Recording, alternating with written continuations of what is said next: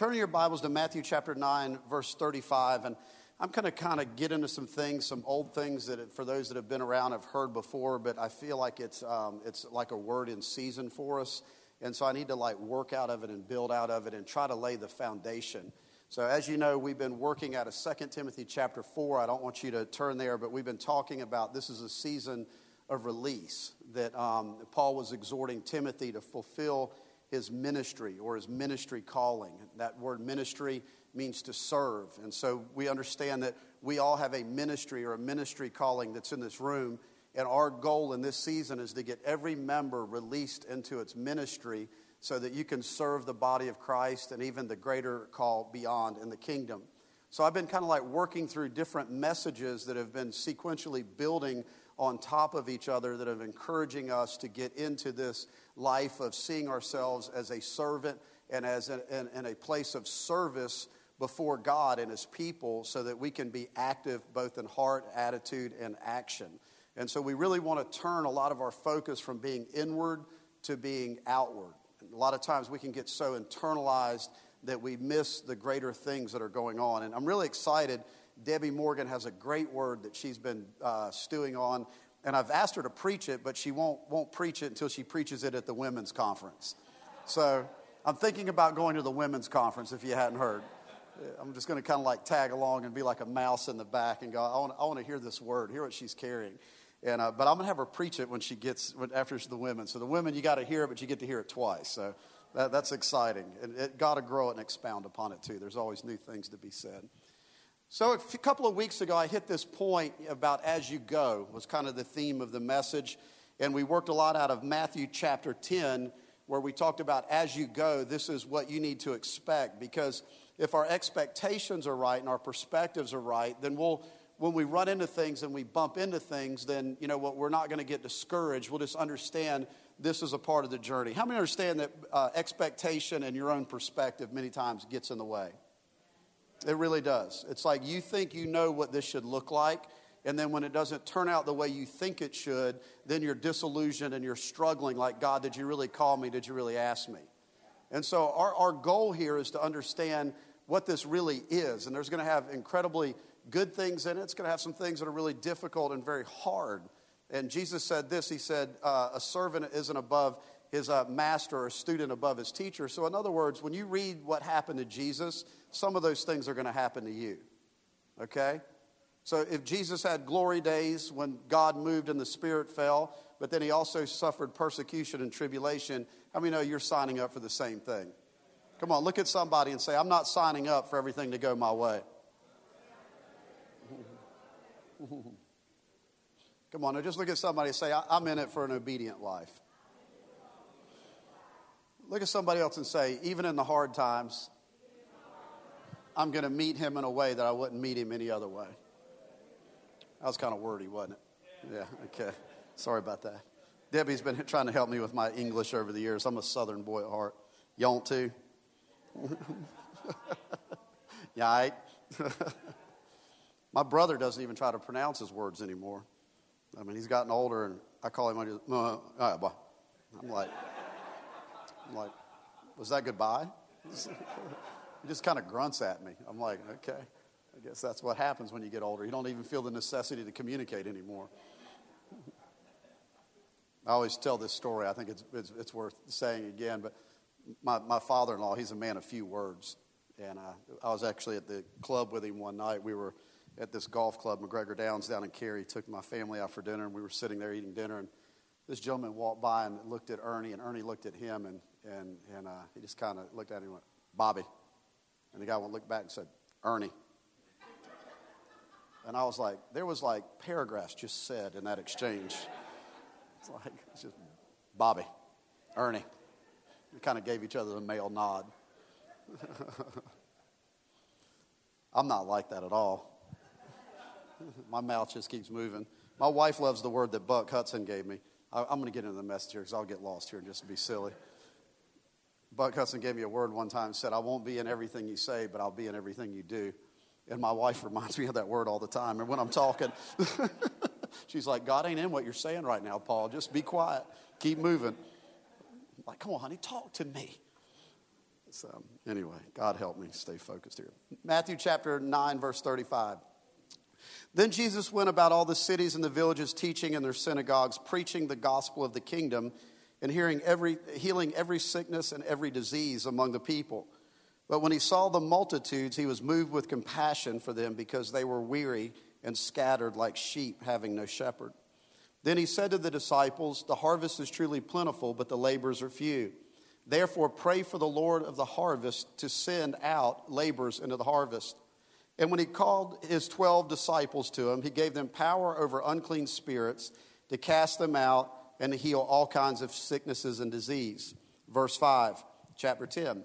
These, these 12 Jesus sent out, commanding them, saying, Do not go in the way of the Gentiles, do not enter the city of Samaritans, but go rather to the lost sheep of the house of Israel.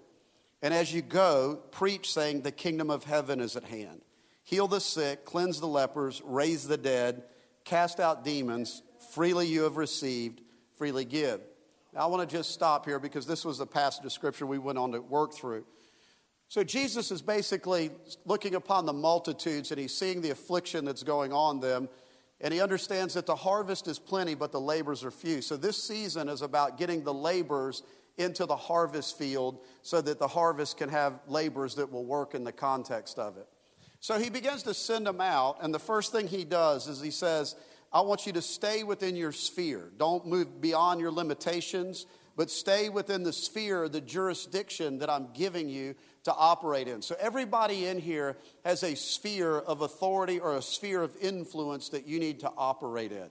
So if God gave you a family, that's a great sphere to work in. If God put you someplace in the marketplace, that's a great sphere to walk in and operate in.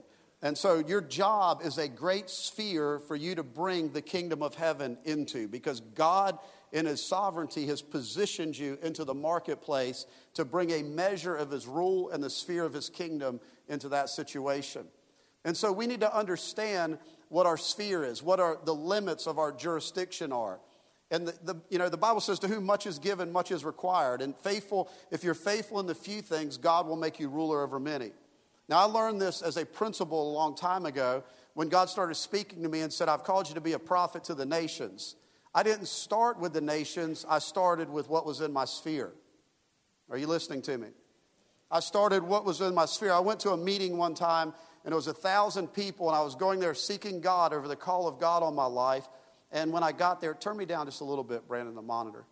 There's that picky guy again.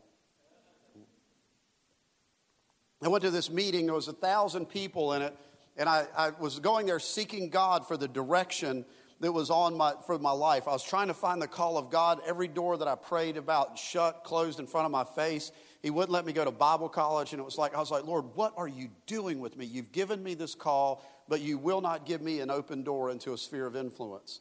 So I went into this meeting. I was like, I'm here for one reason and one reason only, and that's to hear God on what He's try- asking me to do. So I go in this meeting.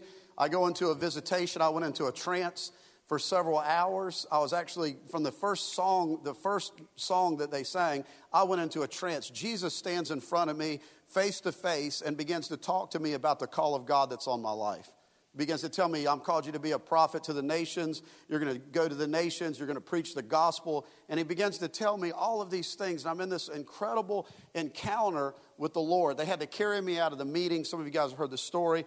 I get out of the, I get out of there and I get in the car and we start driving back to our little local church in Florence, South Carolina. And Kimberly looks at me and she goes, What are you going to do now? And I said, Well, I tell you what I feel like God's putting in my heart. If he found David on the sheep pen, he'll find me on the roof of a house. I had my own construction company at the time. And so here God is talking to me about being a prophet to the nations, but in my heart, He's not opening the door to the nations because it's not the season. How many understand the preparation of the man is just as important as what we're called to do? And it's like you can't, you can't jump to grad school. You got to go through the grades first. And so he said, he said, I'm going to send, he goes, he just put this thing in my heart. He said, I found David in a roof pen, uh, a, in a sheep pen. I'll find you on the roof of a house. So I said, I'm going to go back. So those five guys that worked for me became my first place of pastoring. I mean, they were tough, they were rough, and they were gruff. And I was like, I started holding Bible studies with those guys. I'd go get them out of jail. I'd make their bail because they'd do all these crazy things. But I became like a shepherd to them. They started getting saved. Some of them got born again, started getting filled with the Spirit. And over time, God began to open the doors into different situations in other places. But you've got to learn how to grow in the sphere that you're in. And this is one of the things that's wrong with the American mission model. I don't want to stay here too long because I want to get into the kingdom. But this is one of the things that's wrong with the American mission model is that we go someplace else to be something we can't be at home. Somebody say ouch or oh me or something. It's like we're going to go over there and put on our Superman suit, but we can't be here with our own family and our own sphere of influence right where we are. And so we have to learn how to be faithful in our sphere. It's like we have to learn how to work in it. Your family is, is a great field to work in. The guy's house is a great field to work in. The girl's house is a great field to work in. And then take it into the marketplace. Work in the sphere that you're in. If you're a college professor, work in that sphere. If you're in the marketplace, work in that sphere. There should be people getting saved, born again. If you got prophetic grace, you'll prophesy in the marketplace just like you'll prophesy in the church. So you have to know your sphere and work in your sphere and allow God to bring increase to the sphere and let Him open the door. Everybody say amen. Okay, so he's defining their sphere and giving them their limits of their jurisdiction, but he doesn't leave them there because in the upper room now they're going Jerusalem, Judea, Samaria, uttermost parts of the earth. So their sphere is going to grow as they grow and they can handle a greater sphere. Okay? So everybody say this faithful with the few, become ruler over many. Okay. So he says, But go rather to the lost sheep of the house of Israel, and as you go, preach, saying, The kingdom of heaven is at hand. So the message that he gives them is this the kingdom of God. It's the kingdom of God. It's like, this is what I want you to preach. I want you to preach the kingdom of God is at hand. What is the kingdom of God? It's the king's domain, the king's dominion, or the king's sphere. And so he's saying to them, preach the kingdom. Now, I've really, I have been really like working through this. I've preached the kingdom for probably the last 15, 20 years of my life in various ways and different applications. But as I've been working back through this, I've been thinking about the necessity of preaching the kingdom of God again. Because when I look at the American church, I realize that people have got their go to heaven card punched it's like they've accepted Christ and they're living to go to heaven one day, but they have no idea how to live the life that God called them to live now. And it's like, blessed assurance, glory divine. It's like they're living on blessed assurance, but they're not living in a real life application that's bringing change and transformation in the earth right now. Somebody just clapped and got excited.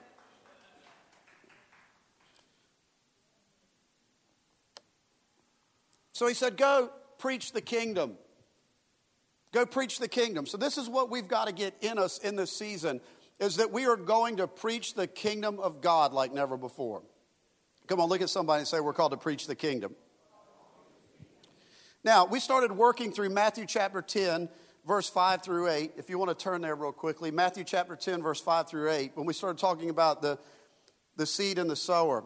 Verse 5 it said, These twelve he sent out, commanded them, saying, Do not go into the way of the Gentiles, but go into the city of Samaritan. Actually, wrong verse. Go to Matthew chapter 13.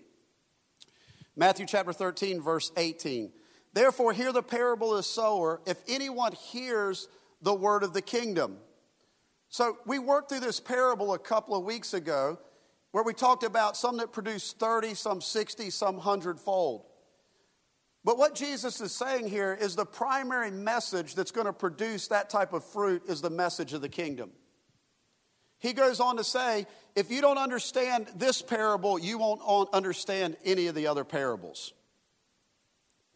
So basically, he's saying is you have to understand the message of the kingdom and how it has effects on the earth and on, on people. I want you to turn to Matthew chapter 16. We're going to hit this real quickly. Matthew chapter 16.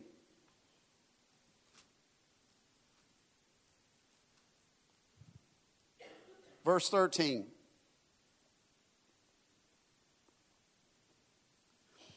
It says, When Jesus came into the region of Caesarea Philippi, he asked his disciples, saying, Who do men say that I, the Son of Man, am?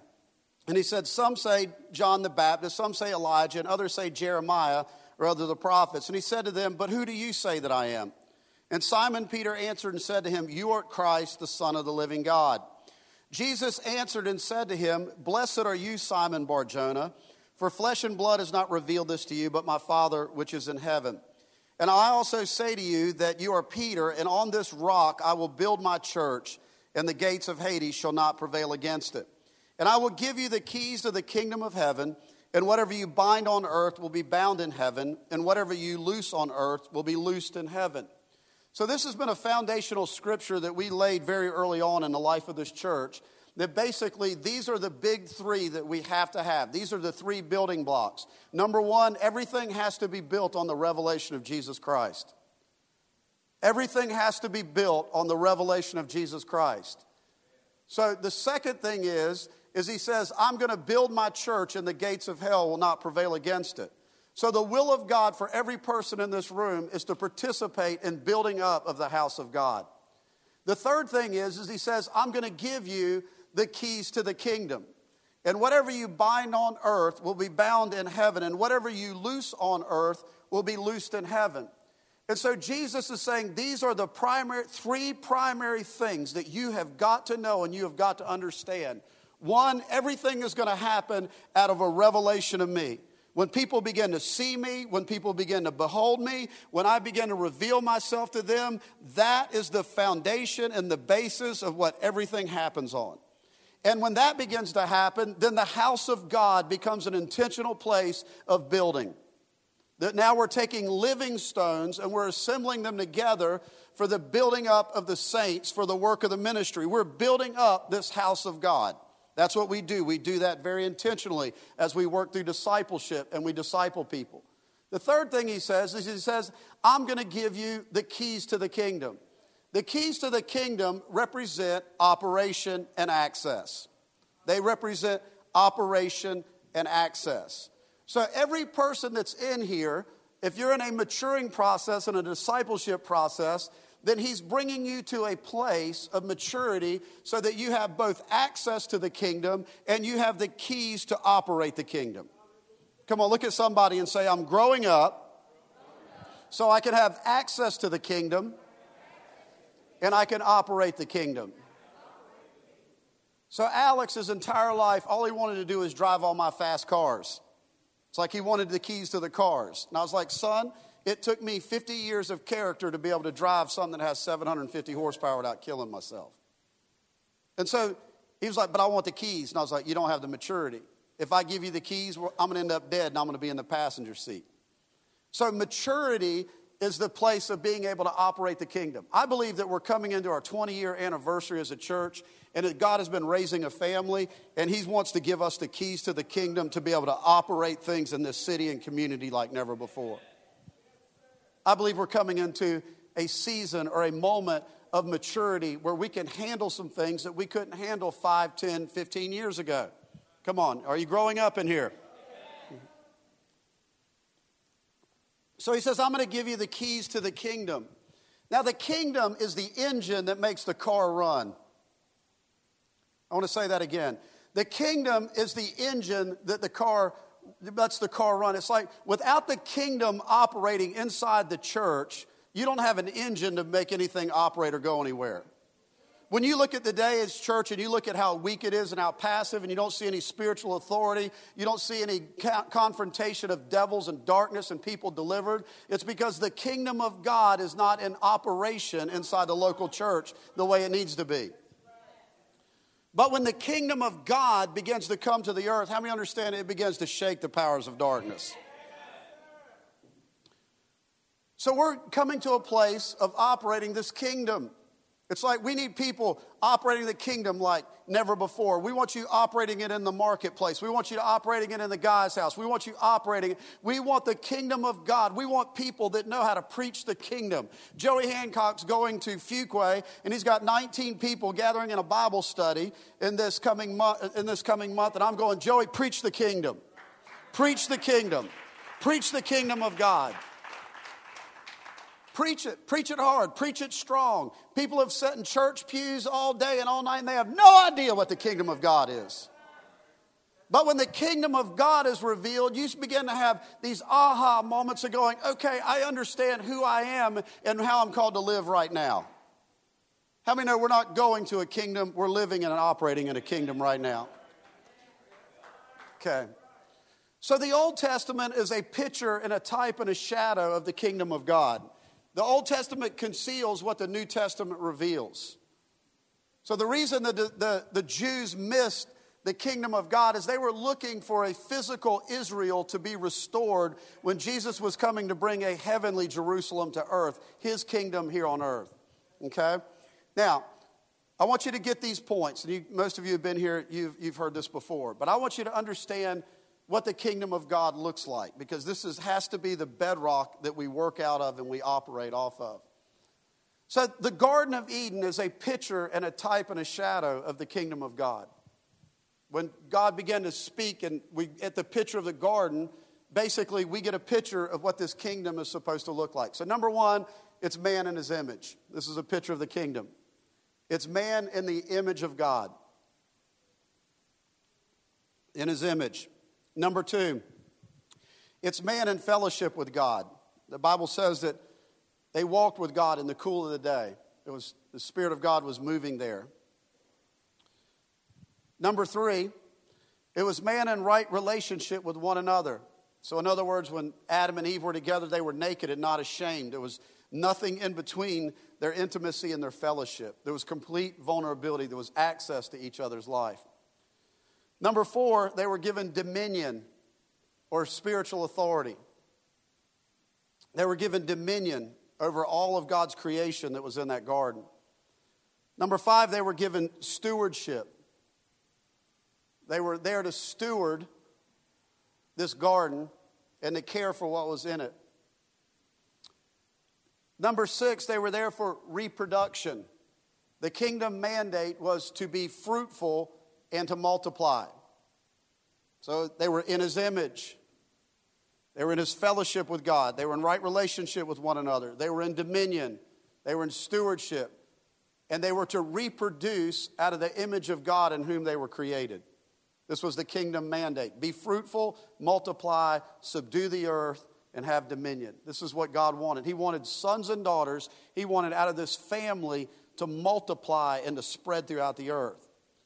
So sin comes in the middle of the garden and it begins to break down all of these things. Number one, they start to fall into the fallen image. All the identity issues that we go through were because man sinned and he fell out of the garden. So now we deal with all these insecurities, all these identity issues because we don't know whose image and whom we're created. The second thing that happens is they were separated from God. They were now hiding in the garden and they were separated from him. So there was, there, were, there was separation now in this intimacy of relationship with God the Father. There was, there was now a, a separation but was between them and their Heavenly Father. The third thing that happened is they put fig leaves over themselves and they isolated themselves from one another. So now there was all these walls that were erected around Adam and Eve because they, they, had, they had entered into sin and there was no more intimacy or vulnerability in their relationships. Transparency was lost. Transparency was lost. Shame came, guilt came, hiding came because of the results of sin. They were put outside of the garden, so they lost spiritual authority and dominion, and they also lost stewardship and care of that garden. And the worst thing that happened was immediately they produced Cain and Abel. So Cain and Abel was the results of mom and dad's sin that Cain rose up and murdered Abel. Can I just tell you this? When you eat of the tree of knowledge and good and evil, even if you're in the church, you are killing your legacy. You are killing your legacy. The unresolved sins that are rooted in mom and dad that don't get sorted out literally set in motion a course that kills your kids. It really does. So, but how many thank God for Jesus here? Come on, how many thank God for Jesus? So when Jesus came, he said, I'm going to get them back to the Father. I'm going to get them back to God the Father. I'm going to get them back into the original design and what they were called to be and who they were called to be. So, in other words, he starts helping us and working through all the image issues all the identity confusion, all the things that are messed up and broken in us, he starts saying, Come on, walk with me. We're going to work this out and we're going to get you restored back into the right image. We're going to get you back into the identity of a son and daughter so that you can evolve as a father and mother. Okay? He also says, Come on now, I'm going to help you in this relationship with this heavenly father. I am the way, I am the truth. No one comes to the Father except through me. So he says, Hey, come on now, we can, we can come get this father thing right. I'm gonna, I'm gonna be the big brother. I'm gonna walk you into the father's presence, and I'm gonna help you identify with this father that all the guilt, the shame, the condemnation is allowed you to be separated from. Isn't that an awesome deal? Come on, isn't that an awesome deal?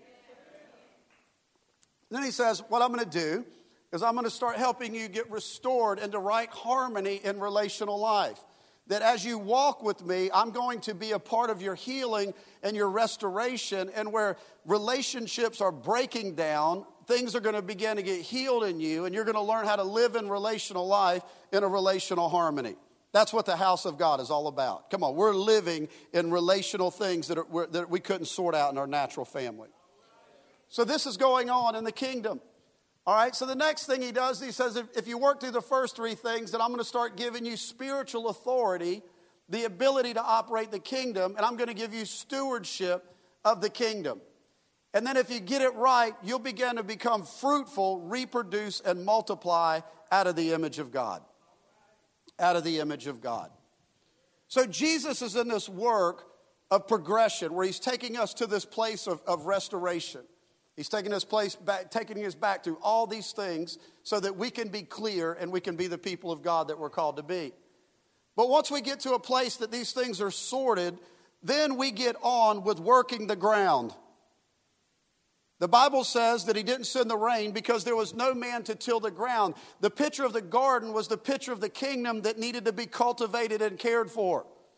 So, what happens when we get born again and we start working through a redemptive process? God begins to take us through all of this to bring us to a place of restoration. But after we're restored, then he says, You know what? You've come to a place of maturity. I want to now give you the keys of the kingdom that you can go operate it and you can help other people in it. So, what's he saying? You're going to come and help people with their image issues. You're going to help people come back into right fellowship with God. You're going to have you're going to help people come into a place of relational restoration. This is the picture of working and operating the kingdom. The same thing that happened to you, you're now going to replicate and reproduce. Do you see this? The maturity that you've entered into and that you're stepping into is you're going, I know what the kingdom of God is because I've lived through this same process in my own life. I didn't know who I was. I had all these identity issues. Jesus came, and when I didn't know how he was working, I grew up and I started understanding what he's doing. He's getting me back into my identity as a son and a daughter. I'm not living in identity confusion anymore. I'm not living in gender identity confusion anymore. I know that I was in a male body. I know that I'm in a female body. All the stuff the devil tried to pervert in my identity is getting sorted out, and I'm getting normal in my identity. Come on, somebody, somebody, how many in here say he's made me normal in my identity? I'm not confused like I used to be. I'm not trying to be anything I'm not. I'm not trying to be anything He didn't make me. I'm just His and He is mine. I'm a son and a daughter. I'm at rest and peace within myself. It doesn't matter how I perform, I am His. He's worked you through your identity, He's made you normal. Come on, look at somebody say, I show him glad He made you normal.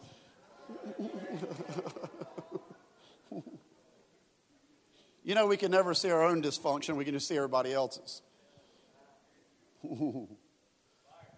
so he works you through this place of your identity. Then he works you through this place of, I'm in fellowship with God. This communion thing is real. I'm reconnected to God the Father. I'm back in the garden. My God, we're back in the garden. Look at somebody say, I'm back in the garden. You're living in this fellowship, this real. That's what I love about what's going on here, man. We're like worshiping God. It's like the Father is here. We're in Him. He is with us. And it's like we, we're like, we're, we're getting back to the original design. It's like we're living in the garden. And then we're being restored in relational life. We're facing roots of bitterness, resentment, generational curses. Do you know, man, we got the, you guys are, all these young people, you don't know what the Hatfield McCoys are. The Hatfield McCoys were generations of people that fought each other, and they got to the point that they didn't even know why they hated each other anymore. It was just something that their family kept living out. It just kept happening through generation. Well, we hate them. I don't know why. Well, let's go kill them. I don't know why. Let's just, I don't know. It was eating from the tree of knowledge and good and evil that was being reproduced generation after generation. But when mom and dad say the curse stops here,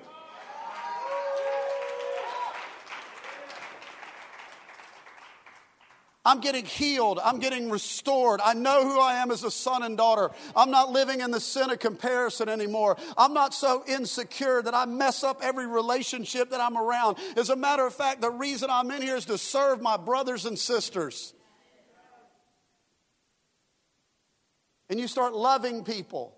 And you deal with the bitterness and the resentment and all these things that are in your own heart. And you don't let roots of bitterness form in you anymore because you understand there's two trees. There's the tree of knowledge and good and evil, and there's the tree of life. And when I eat of the tree of knowledge and good and evil, roots of resentment, roots of bitterness, all these things start creeping up in me. But when I eat of the tree of life, I find forgiveness, I find love. It's like I find the ability to release people. I start getting healed and made whole. I read something the other day. It just like hammered me. I was reading this book, Kevin Conner book, and it just just like hit me between the eyes. And it's one of the I can't remember how he said it, but it was something about the reason there are so many offenses is because we don't know the love of God that way.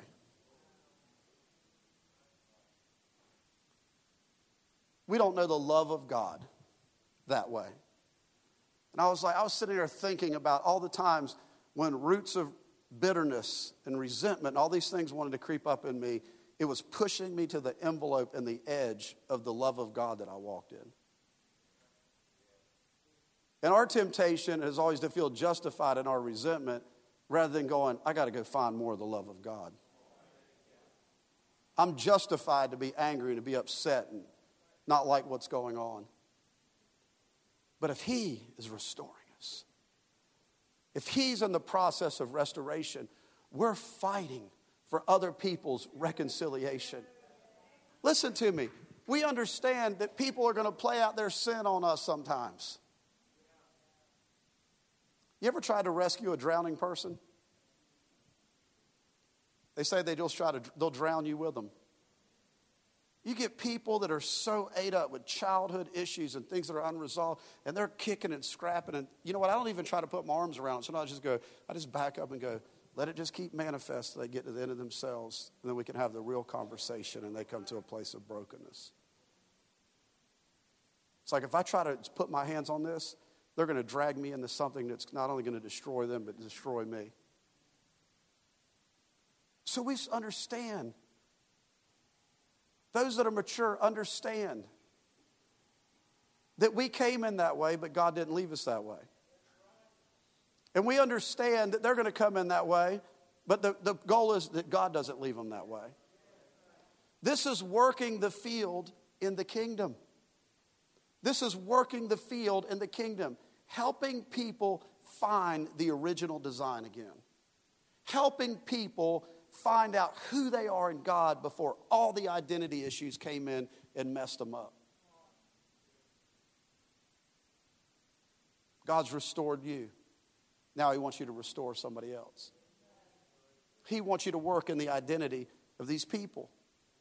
He wants you to help them get restored in their relationship with God. Come on, you don't have to deal with guilt and condemnation and shame anymore. Let's just roll that away right here. And let's just pull you right back in to life in the kingdom and life with God the Father. And then we work to see people relationally restored. And out of that, he begins to give us keys to the kingdom to operate, to make it happen. The kingdom is an awesome thing when it's on display. Because people are getting restored, people are getting delivered, people are being made whole.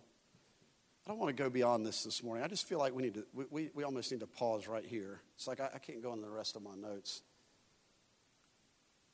But we need to understand that all over this city and this community, God wants us to work in the process of the restoration of what we've already been through.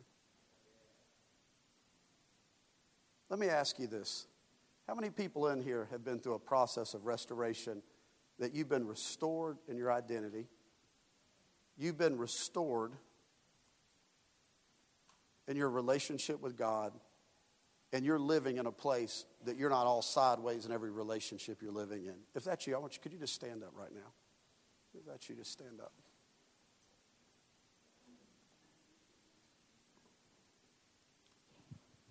This. Look at this. It's okay if you're not. Now, it's not good if you're 10 years and you're still sitting in your seat. It doesn't matter. It's like, you know what? I had a friend of mine say, I'd have got here quicker, but I got here as quick as I could. So it, it, it doesn't matter if you're not there. I mean, I appreciate the honesty of some of the people that aren't standing. But what would be an injustice if five years you were still sitting in the same place? But for the people that are standing, you are equipped to take the keys. You're equipped to operate the kingdom. Because all that's going to happen now is the reproduction of what he's already done in you. All he has to, all he has to, you just put your hands to the plow and say, I understand what he did in me and how he did it. And he's no respecter of person. And just how he helped me, I can help you get into the same thing. The kingdom of God in operation. Father, I pray all over this room, Lord, that you'd put keys in people's hands. You'd put keys in people's hands, Lord, to operate the kingdom of God. Lord, that expansion and enlargement would come because people have come to an age of maturity that are now ready to move from milk into reason of use and exercising and putting their hand to the plow in your kingdom. Lord, give them a vision of seeing themselves operating in the fields that you put them in. Give them a vision. Give them a vision. Give them a vision. Hmm. Give them a vision.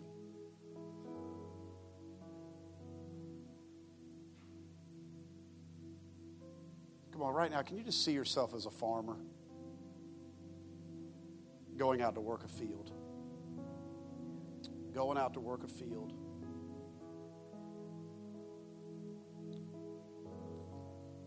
Enlarge the kingdom. Enlarge the kingdom. Praise God.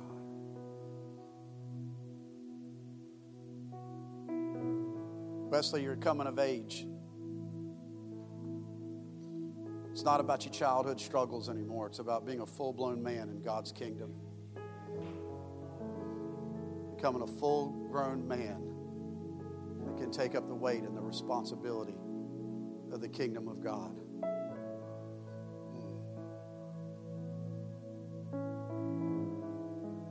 Lord, give us the keys.